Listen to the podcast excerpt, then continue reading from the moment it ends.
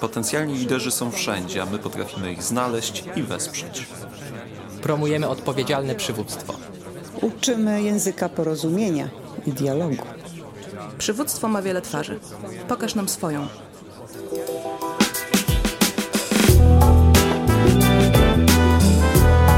Nasz podcast to miejsce rozmów o liderstwie, wpływie i zmianach, ale także o edukacji. Jak mawiał założyciel Fundacji Szkoła Liderów, profesor Zbigniew Pełczyński, przywództwa można się nauczyć. O tym, jak to robimy, można przeczytać na stronie internetowej www.szkoła-liderów.pl. Dzień dobry, za mikrofonem Adam August Michalik. Witam w programie o przywództwie podcast Szkoły Liderów. Dzisiejszy odcinek poświęcimy przywództwu partyjnemu w Polsce i tą rozmową zamkniemy tryptyk dotyczący przywództwa politycznego w naszym kraju. Porozmawiamy dzisiaj o wpływie, jaki partyjni przywódcy mają na swoje otoczenie oraz demokracji w partiach politycznych. Postaramy się zachować równowagę między rozmową o teorii a rozmową o praktyce i poszukamy odpowiedzi na pytanie, czy przywódcy partyjni w Polsce są faktycznymi przywódcami politycznymi. O tym wszystkim będę dziś rozmawiał z członkinią zarządu Fundacji imienia Stefana Batorego, dr Anną Materską-Sosnowską z Wydziału Nauk Politycznych i Studiów Międzynarodowych Uniwersytetu Warszawskiego. Zapraszam. Pani doktor, dziękuję, że zgodziła się Pani przyjąć moje zaproszenie. Na początek tej rozmowy chciałbym, abyśmy trochę poruszyli tą teorię i zastanowili się nad tym, jaki wpływ na przywództwo polityczne liderów partyjnych ma to, czy są członkami organów kolegialnych w swoich partiach, czy to, że są jednoosobowymi organami. Jaki wpływ ma to, w jaki sposób są oni wybierani, czy są wybierani poprzez wszystkich członków szeregowych swojej partii, czy na przykład jest to tylko zamknięte grono, czy tylko grono przedstawicieli w parlamencie partii. No i to w jaki sposób, jaką większością są wyłaniani, albo czy musi pojawić się kontrkandydat i czy to wspiera tą wewnętrzną, oddolną demokratyzację partyjną. Mm, to ja bym chyba najpierw zaczęła od tego, mm, jakimi organizacjami są e, partie.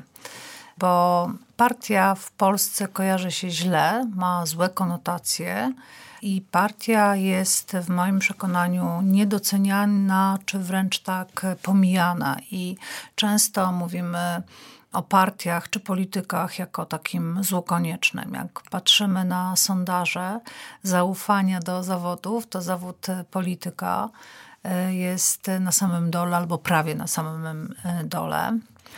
A mówiąc szczerze, uważam to za dalece krzywdzące. To nie znaczy, że są aniołami, że wszystko jest tak jak należy, bo absolutnie tak nie jest i jest e, całe spektrum rzeczy, które powinno ulec poprawie. Natomiast e, partia polityczna, w moim przekonaniu, jest niezbędnym ogniwem pomiędzy społeczeństwem a rządzącymi im silniejsze będą partie polityczne, czyli im głębsze, mocniejsze będą miały korzenie w tymże społeczeństwie, tym lepiej będą nas e, prezentowały i tym lepiej będą zabezpieczały interesy obywateli.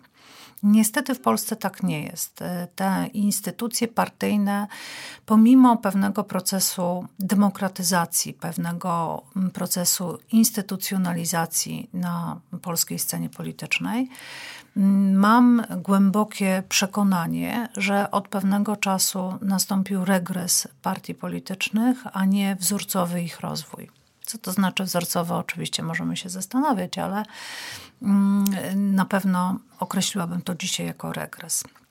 Mm, w związku z powyższym one nie wypełniają tych, czy, czy nie spełniają tych ról, oczekiwań, e, jakie mogłyby i jakie stoją przed nimi i w jaki sposób mogłyby nas reprezentować.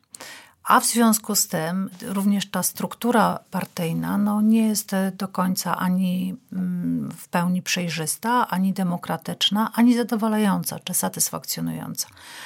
I pierwszy taki podstawowy, zasadniczy problem w moim przekonaniu to jest e, członkostwo. W Polsce liczne partie to są partie, które liczą kilkadziesiąt tysięcy.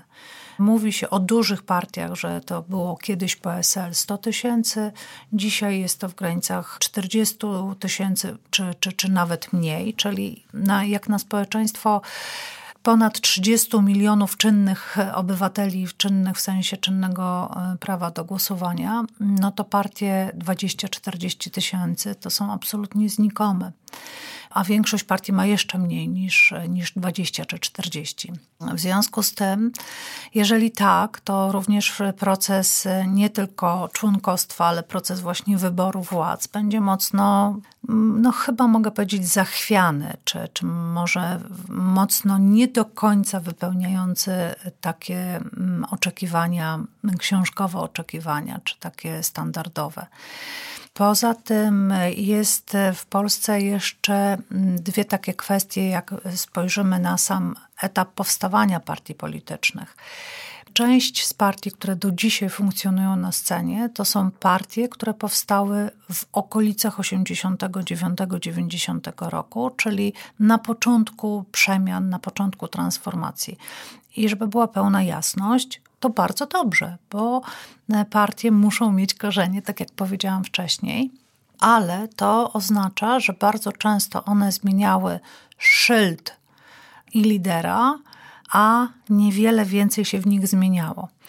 I druga grupa takich partii to są partie osoby, czy partie związane z osobą czy z nazwiskiem. I mieliśmy zarówno samoobronę Andrzeja Lepera, czy mieliśmy ruch Palikota, czy mieliśmy nowoczesną Ryszarda Petru, czy Polskę 2050 Szymona Hołowni czy chociażby różne mm, jakieś efemerydy związane z Pawłem Kukizem.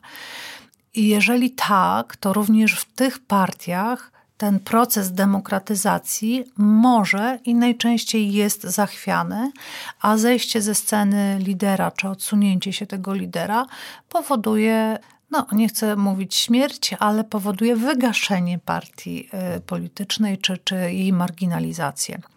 W związku z tym z samą, y, z samą instytucją, jaka, jaka jest partia polityczna, mamy problem.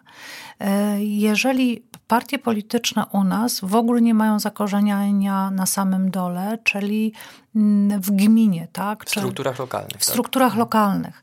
Co oczywiście z jednej strony może być pozytywne, jeśli patrzymy na struktury lokalne jako na samorząd, może być pozytywne, ale nie wiem, czy jest pozytywne ale z drugiej strony to powoduje właśnie tę chybotliwość, bo te partie zaczynają się gdzieś tam od, od kolejnego mm, szczebla, w związku z tym no, nie ogarniają e, całości problemu i nie mają tego e, zakorzenienia. Nie będziemy wchodzić te, w tę reprezentację e, w strukturach lokalnych, ale po to zrobiłam taki szeroki nawias, żeby przejść właśnie do tego, jak jest wybierany lider. I tak naprawdę najbardziej demokratyczny sposób na wybór lidera miała przewidziane PSL. I jak e, przypomnimy sobie, jak w poprzedniej kadencji, czy jak w ogóle został liderem Kosiniak-Kamysz, no to właśnie w demokratyczny sposób, tam gdzie właściwie wydawało się, że delegaci poszczególnych szczebli partii przyjechali na kongres y, i, i kto inny był y, tym faworytem. Więc tutaj faktycznie ta demokracja y, zadziałała. Najczęściej, najczęściej partie są wybierane tak choinkowo, czyli poszczególne poziomy wybierają swoich delegatów, ci delegaci wyżej, wyżej i, i dopiero wtedy mm, następuje wybór lidera. W moim przekonaniu nie jest to do końca e, dobra metoda, mm, dlatego że to, znaczy tak, musi być lider, musi być struktura władzy, musi być jakiś ład i porządek. I to na pewno tak, musi być ta struktura.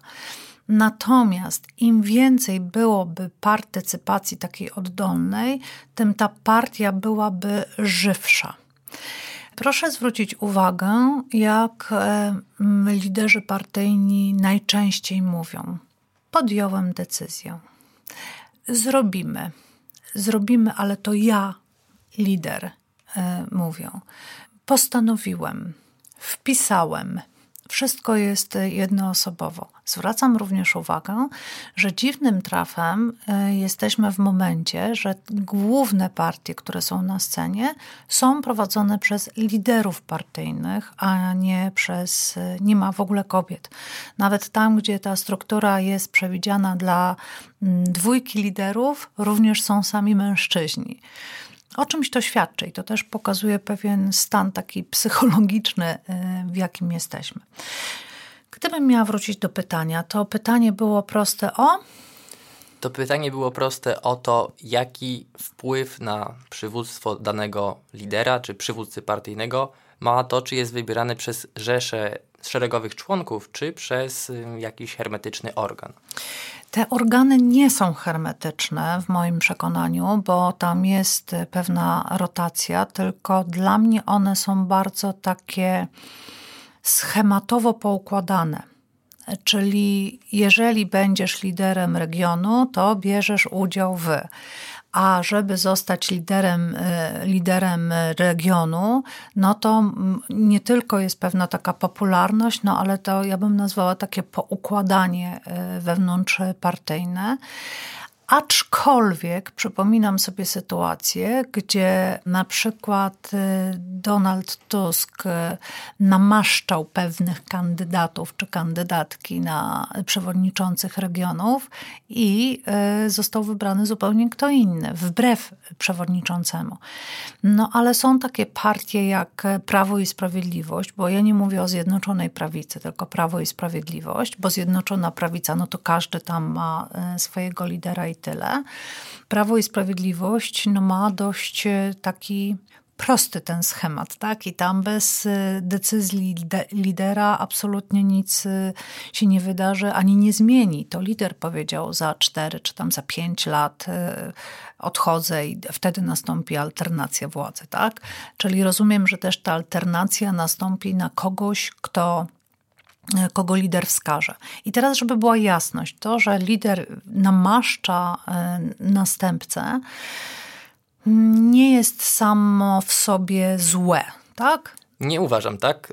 Nawet to pewien rodzaj dojrzałości, jeżeli to zostanie umiejętnie przekazane, ale przykłady nawet z CDU, czyli powiedzmy sobie partii no z dużymi tradycjami i bardzo dużej, pokazały, że wcale niekoniecznie to tak musi wyglądać i to namaszczenie Annegret Kramp-Karrenbauer przez Angelę Merkel no skończyło się finalnie fiaskiem. My w Polsce nie do końca mamy taki przykład, taki jednoznaczny namaszczania przywódców. Być może powiedzmy sobie tutaj Ewa Kopacz, Donald Tusk. Ewa Kopacz miała kompetencje przywódcy partyjnego, nawet jeżeli oficjalnie była tylko pełniącą obowiązki przywódcy partyjnego. No ale również skończyło się to w pewnym sensie niepowodzeniem na dłuższą nie, metę. Nie, to ja bym tutaj jednak, to moje ulubione słowo chyba nie, ja bym się tu jednak z panem nie do końca zgodziła. Śmiało. Dziękuję. Dlatego, że to są dwa różne porządki. Mhm. Namaszczenie przez Angelę Merkel. Inaczej, spójrzmy, jak Angela Merkel wchodzi do polityki. Ma bardzo silnego patrona, jakim jest ówczesny kanclerz Kohl. I on ją jakby wskazuje tak, i pomaga jej w tej ścieżce, żeby doszła na szczyt. Więc jego namaszczenie, ona potwierdza, swoim poparciem wewnątrz partii. I, i, I tę swoją pozycję nie dosyć, że ma namaszczenie, ma wsparcie patrona, to ona sama ją legitymizuje sobą. I to jest jeden przykład. Przykład współczesnych Niemiec to nie jest tylko kwestia przekazania tej władzy, tylko wydaje mi się, że dużo ważniejsze jest kogo namaszczamy na tego lidera. Więc nie tylko co przekazujemy, tylko jak i czy jest ta legitymizacja, czy jest to poparcie dla przewodniczącego, czy, czy też nie ma. I teraz, czy Ewa Kopacz? Ewa Kopacz została wyznaczona przez Donalda Tuska na pełniącą obowiązki i przegrane wybory jakby zakończyły w sposób naturalny ten proces ubiegania się przez nią o bycie liderką. A to może oznaczać, że wcale tą liderką taką zdecydowaną nie była. Tak? Bo albo nie miała tych, tych kompetencji, bo to nie jest tylko to, że ktoś cię wskaże. Ty musisz to sobie wywalczyć i nawet jeżeli jesteś chwilowo, czy na na pełniącym obowiązki, czy masz tę szansę, no to albo udowodnisz, że jesteś liderem i umiesz to pociągnąć, albo nie. Dla mnie takim przykładem jest na przykład Borys Budka, który został wybrany przez e, partię. Miał bardzo takie, miał dość e, szerokie poparcie i w sposób demokratyczny, na tyle, na ile ta demokracja w Platformie Obywatelskiej była wówczas, czy, czy jest dzisiaj, zostaje wybrany i absolutnie się nie sprawdził jako lider, tak? Czyli był bardzo dobrą twarzą platformy, odpowiadał za bardzo konkretne sprawy i to również było, było bardzo dobre, natomiast w czasie, w którym został liderem, był niewystarczającym e, przywódcą ale z kolei jego poprzednik, Schetyna, który mm, przez część był uważany właśnie za fatalnego i musiał odejść i, i właśnie Budka go zastąpił, e, nawet jeżeli nie był e, świetną twarzą i, i takim sprawnym liderem, no to był sprawnym przywódcą, bo utrzymał partię, przetrzymał przez w najgorszym e, momencie, tak, przeprowadził w miarę suchą stopą i zostawił pewien kapitał, na którym możesz e, budować, bo to, że partia jest w opozycji jest wiadomo. Pytanie jak i tak dalej, to jest, zupełnie, zupełnie co innego. Natomiast zastanówmy się, czy dzisiaj ile czasu mówi się o poszukiwaniu następcy za Jarosława Kaczyńskiego. Jarosław Kaczyński jest nieprzerwanie e, liderem swojego ugrupowania od samego początku, a wcześniej jeszcze e, porozumienia centrum. chociażby porozumienia centrum.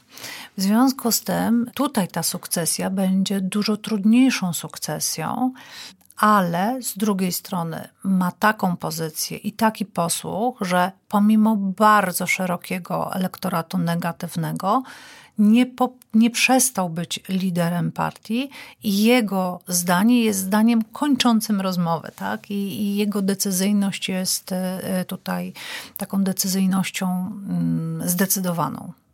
Jak decyzyjność, to zdecydowana. W związku z tym te modele są różne. E, spójrzmy na przykład na, e, na razem. Nawet jak był, e, było dwoje, to i tak mówiło się o Adrianie. Nawet nie dwoje, tylko tam dziewięcioosobowy zarząd był taki kolegialny. Ale zarząd to jest jeszcze Jedno, co innego. Jakby, tak, prawda? Mm. Bo, bo no to jest następna sprawa. Czy to jest i tu mówimy o czym innym. Nie mówimy tylko o sposobie zarządzania partią, i tutaj absolutnie zdecydowanie e, jestem zwolenniczką właśnie rozproszonego e, tego zarządzania, właśnie w postaci zarządu, ale pytanie było o przywódcę. A przywódca jest jeden, tak? Twarz lidera jest jedna.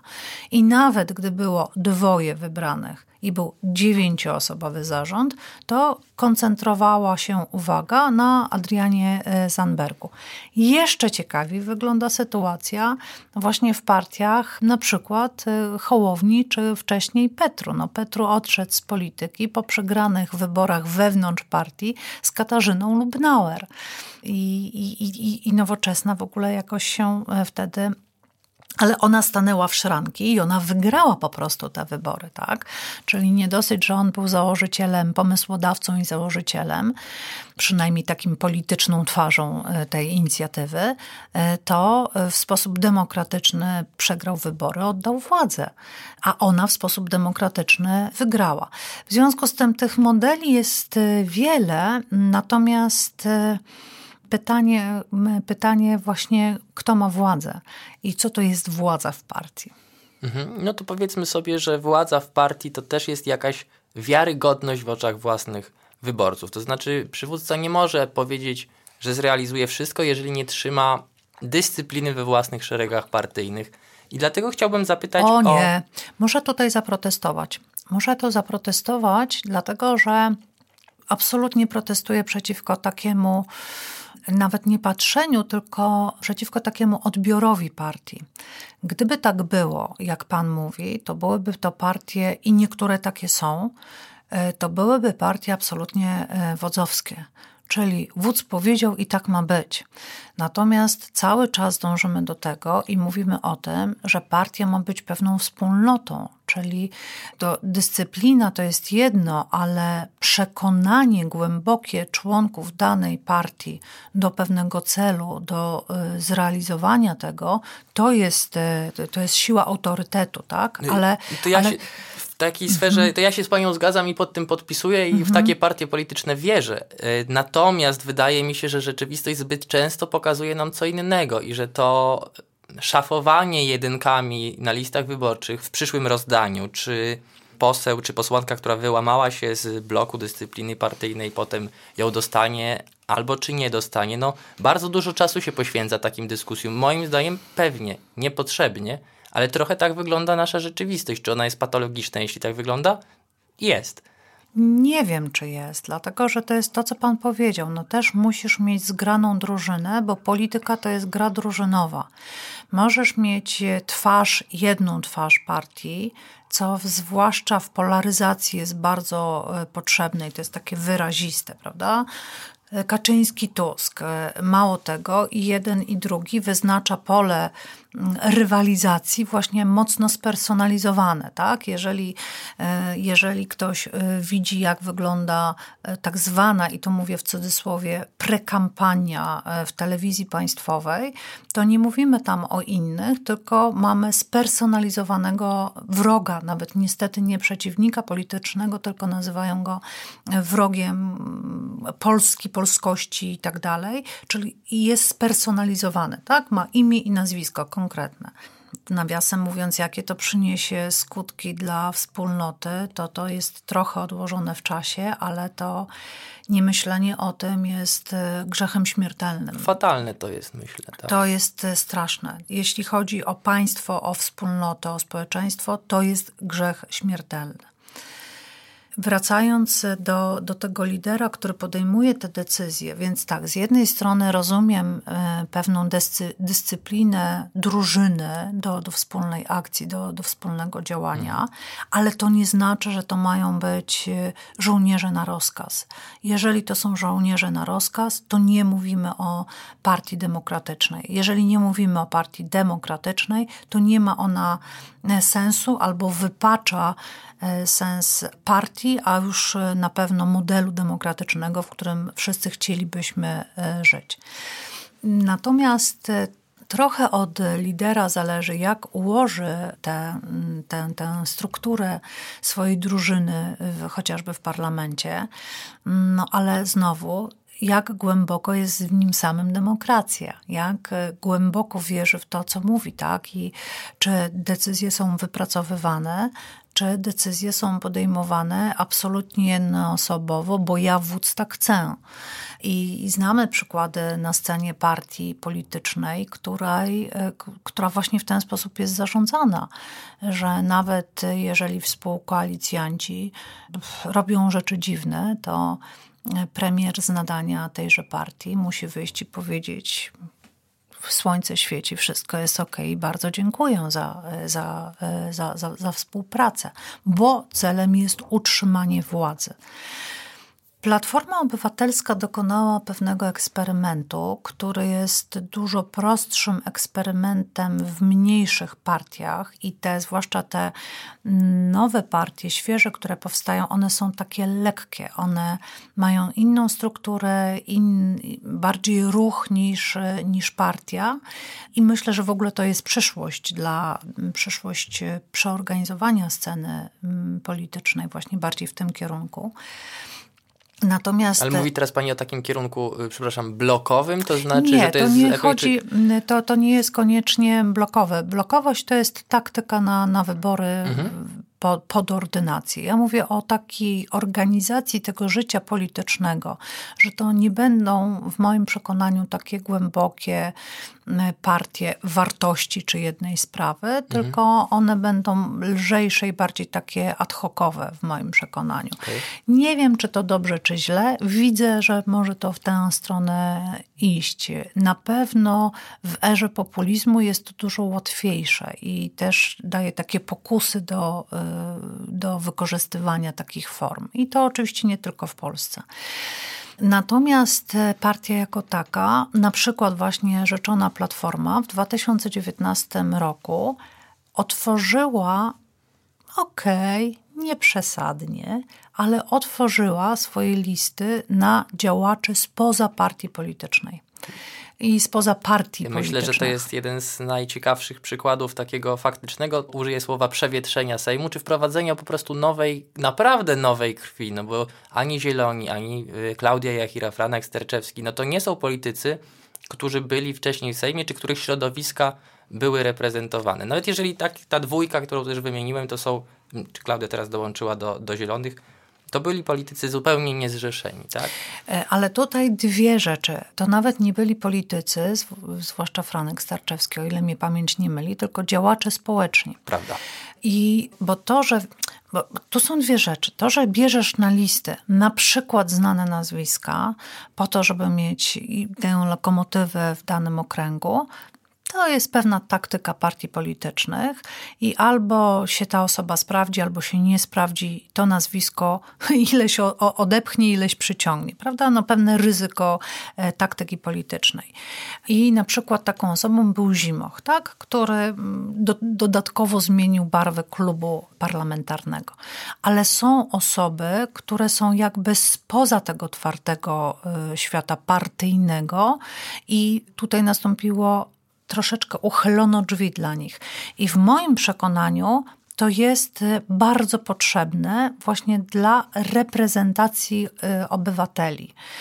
Rozumiem e, pewne takie powstrzymanie partii przed szerokim otwarciem, no bo tak jak sam pan powiedział, no musi być pewna e, dyscyplina organizacji. Też mamy swoich działaczy, którzy tutaj po Dokładnie prostu się tak. angażują od lat. Dokładnie tak, angażują, działają, wpływają na programy, na, na, życie, na, na życie partii, więc to trzeba umieć e, zbalansować. Czym, czym, czym ten, ta, ta partia i na którym poziomie czym ma być. Powiedzieliśmy sobie sporo o takiej personalizacji na, na różnych szczeblach, ale poruszyła też Pani wątek y, współprzewodniczenia. Ja bym chciał ten wątek poruszyć, to jest coś, co mnie niezwykle fascynuje. Na ile to, że mamy współprzewodniczących, dzisiaj w Polsce to jest Nowa Lewica, mm, Zieloni czy, czy właśnie Partia Razem, to jest zabieg trochę marketingowy, a na ile to jest faktyczna dwuwładza i takie kolegialne podejmowanie decyzji. Czy ten scenariusz no, jest scenariuszem przyszłości, nie jestem przekonany, ale jakie to ma plusy, jakie to ma minusy? Dlaczego jedne partie się na to decydują, a drugie nie? Zaczęłabym od tego, że okres, tak jak powiedziałam, era polaryzacji również polaryzuje mm, same partie i ich e, przewodniczących, i następuje taka kumulacja władzy w rękach poszczególnych liderów. Natomiast to, o co Pan pyta, to było już. I e, niestety od tego w którymś momencie liderzy odeszli, ale głęboko wierzę, że powrócą, gdy będzie e, właśnie, jeżeli dojrzeją znowu do demokratyzacji. E, dlaczego, co, co, co mam na myśli, mówiąc takie dziwne zdanie? Ostatnio słuchałam podcastu z bo podcasty wiemy to siła tak i przyszłość. Mm, ostatnio słuchałam podcastu z Aleksandrem Kwaśniewskim, który powiedział rzecz e, następującą, że upraszczam, to, to mhm. nie jest cytat, upraszczam, że demokracja w SLD skończyła się, kiedy on został e, prezydentem, a Leszek Miller został e, przewodniczącym i premierem. Że to się zakończyło, że weszli wtedy w okres wodzowski partii, tak? Nastąpiła e, centralizacja. I proszę zwrócić uwagę, najpierw był triumvirat trzech tenorów w Platformie Obywatelskiej, został jeden. Ten jeden jeszcze został ze Schetyną i to był bardzo dobry team, który zawojował i doszedł do władzy. W PiSie e, to był e, duet braci Kaczyńskich, twarz i mózg operacyjny, tak? I, i mhm. dobry i zły brat trochę, czy dobry lider i, i, i ten, który musi posprzątać i, no. i trzymać krótko. I to były przykłady, mówię o dużych partiach, które faktycznie funkcjonowały, jeżeli ta władza była rozłożona. I nie mówię już o tych mniejszych partiach, ale w PSL też to nigdy nie był tylko przewodniczący. Wielopokoleniowa partia w końcu. Y, ale i to jest ten jej plus, tak? Jak Że to nie jest tylko ta wielopokoleniowość, ale również to jest y, taka pewna mm, wspólnotowość. I jeżeli masz wspólnotowość, to masz różne też punkty widzenia. I nawet dzisiaj, jak spojrzymy na PSL i na Kosiniaka-Kamysza i na ten właśnie zarząd, który jest, czy na radę, to są naprawdę różni ludzie z, na róż, z różnymi stanowiskami i co jest wartością. Oni ucierają zdanie. Bo gdybyśmy posłuchali jednego z liderów, to już dawno byliby w koalicji z PiSem, e, innego z liderów nigdy żadnej koalicji i tak dalej, i tak dalej. I oni przez to, że jest ich wielu, mogę tak powiedzieć, oni muszą utrzeć stanowisko, bo żaden nie jest e, na tyle na szczęście potężny, żeby nie można go było, czyli to jest, to pokazuje pewne, pewne dobrze ułożenie, ułożoną partię, No tak? tam jest duże poczucie grania w jednej drużynie po prostu. Być może determinuje to częste oscylowanie wokół progu wyborczego. Być może. Ale, jest skuteczne. Tak, ale to jest, y, do tej pory to było skuteczne, prawda?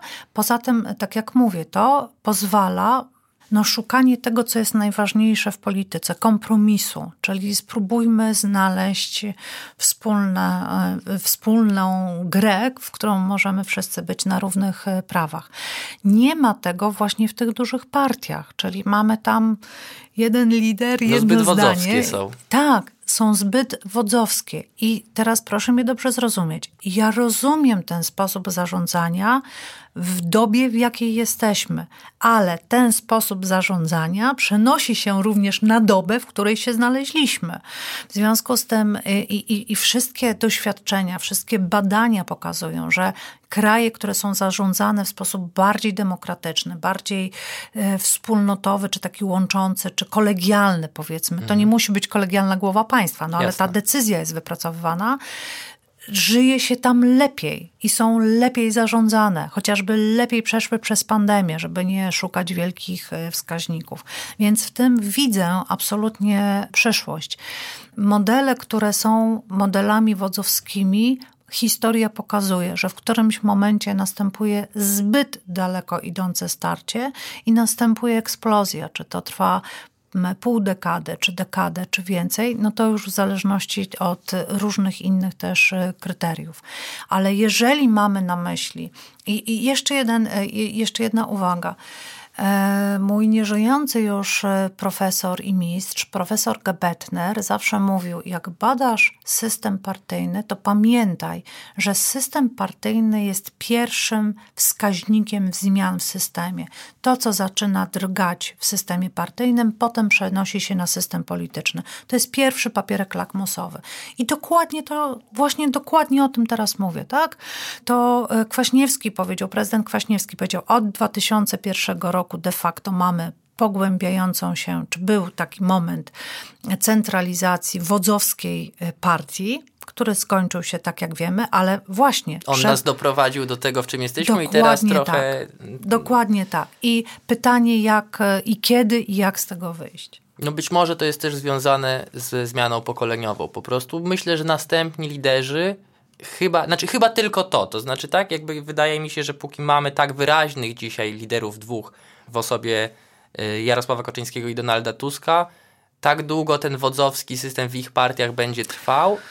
To jest gdzieś tam tylko być może prognoza, a być może ta zmiana pokoleniowa doprowadzi do tego, że trochę to się rozluźni, trochę bardziej będzie No. koncyliacyjne podejście. E, Absolutnie się z panem, e, nie do, znaczy nie do końca się z panem zgadzam. Dlatego, że próby zmian pokoleniowych były.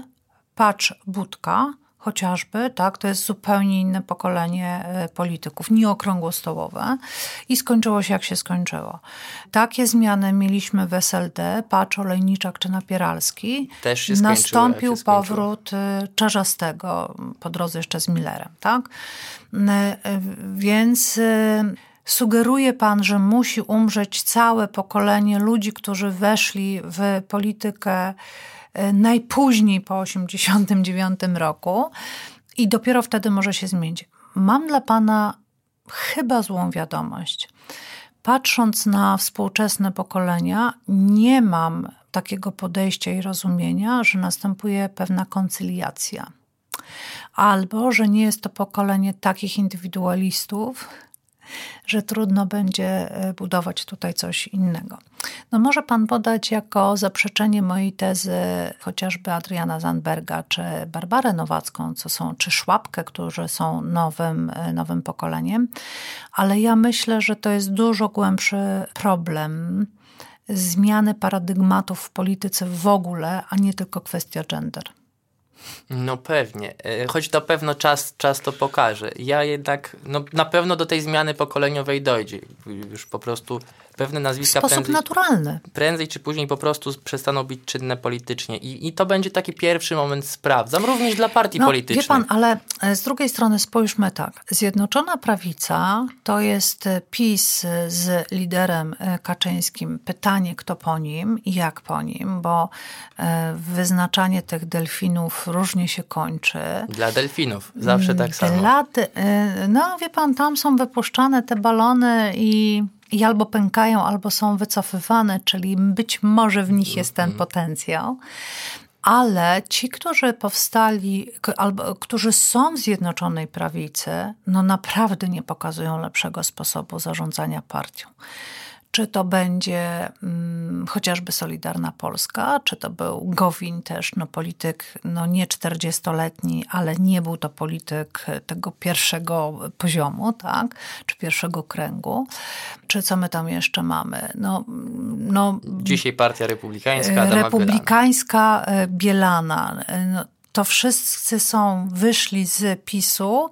Bielan też swoje e, przejścia różne miał, ale tak naprawdę musiał się schować, czy zrobić e, cofnięcie pod skrzydła patrona i ojca Jarosława, żeby e, jakoś działać politycznie i, i w związku z tym no, to nie daje jakiejś takiej gwarancji świeżości, inności czy innego sposobu w ogóle uprawiania, zarządzania polityką.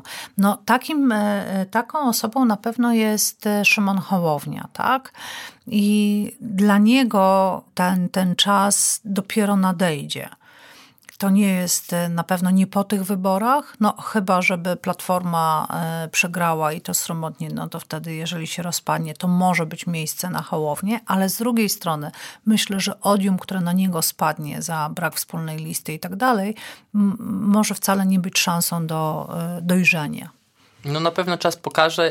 Teraz zrobię kropkę z tym wybieganiem w przyszłość i ostatnie pytanie w związku właśnie z tą rzeczywistością, która nas otacza, na tu i teraz, to zadam takie, czy przywódcy partyjni są tymi faktycznymi przywódcami politycznymi w Polsce?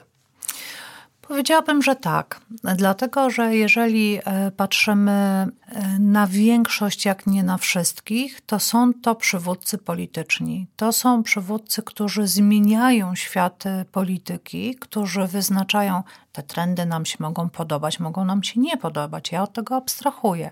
Ale w moim przekonaniu to są przywódcy polityczni. Powiem więcej, dużo bardziej czy dużo głębiej są przywódcami politycznymi niż nominaci na tych stanowiskach. Nominaci wystawieni e, właśnie przez partię, czyli tak naprawdę no, no przez partię. I wydaje mi się, że znaczy uważam tak, e, chociażby właśnie wspominając jeszcze e, Millera, czy wspominając e, Kwaśniewskiego wcześniej, czy Oleksego, czy e, wspominając liderów Chyba tylko takim liderem nie był e, Kwaśn- e, Krzaklewski.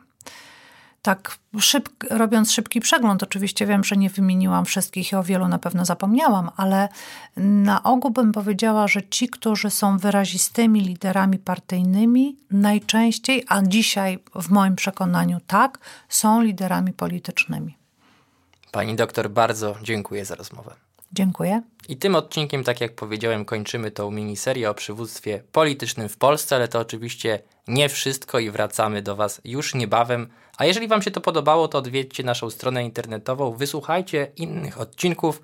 No i zapraszam Was serdecznie do wspierania nas na Patronite.